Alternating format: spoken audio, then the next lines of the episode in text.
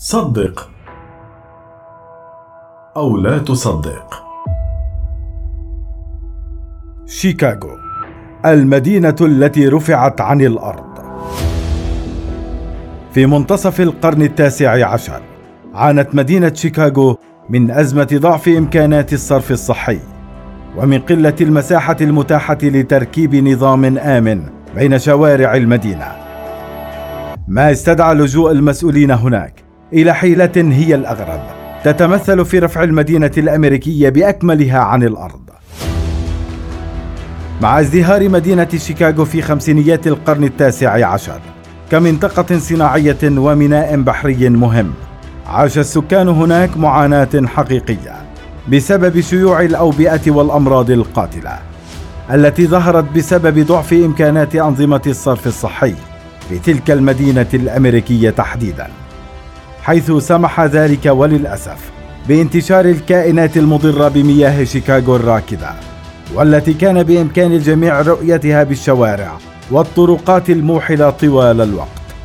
وصل الأمر إلى الذروة في عام 1854 عندما ضرب وباء الكوليرا القاتل وصل شيكاغو بقوة. فتسبب في وفاة ما يزيد عن 5% من السكان.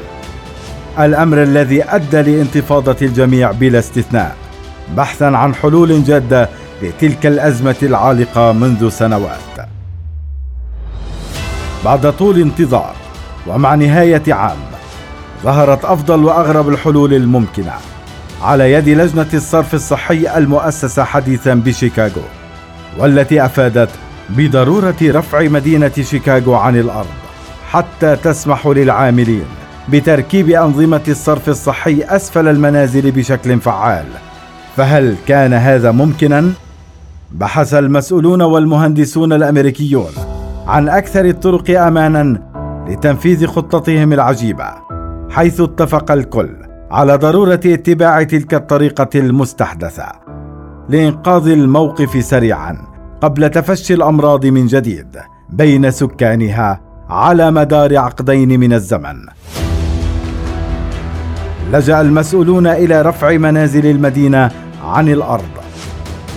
باستخدام الرافعات الهيدروليكية في أغلب الأوقات لما يتراوح بين أربعة وأربعة عشر قدما من أجل بناء أنظمة الصرف الصحي أسفلها فيما أصبح من المعتاد حينئذ. أن تجد بيوتا تنقل من مكان لآخر. إذ صارت المدينة شاهدة على تغييرات غير عادية في هذا الوقت. تماشيا مع الظروف المحيطة.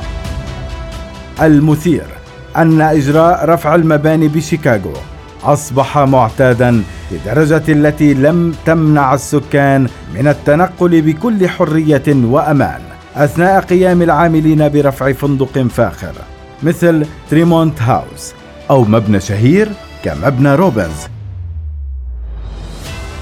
ليسدل الستار. في نهاية ستينيات القرن التاسع عشر على الحيلة الأغرب التي اتبعها مسؤولو مدينة شيكاغو لمواجهة أزمات الصرف الصحي عبر رفع مدينة شيكاغو الشهيرة عن الأرض فهل تصدق؟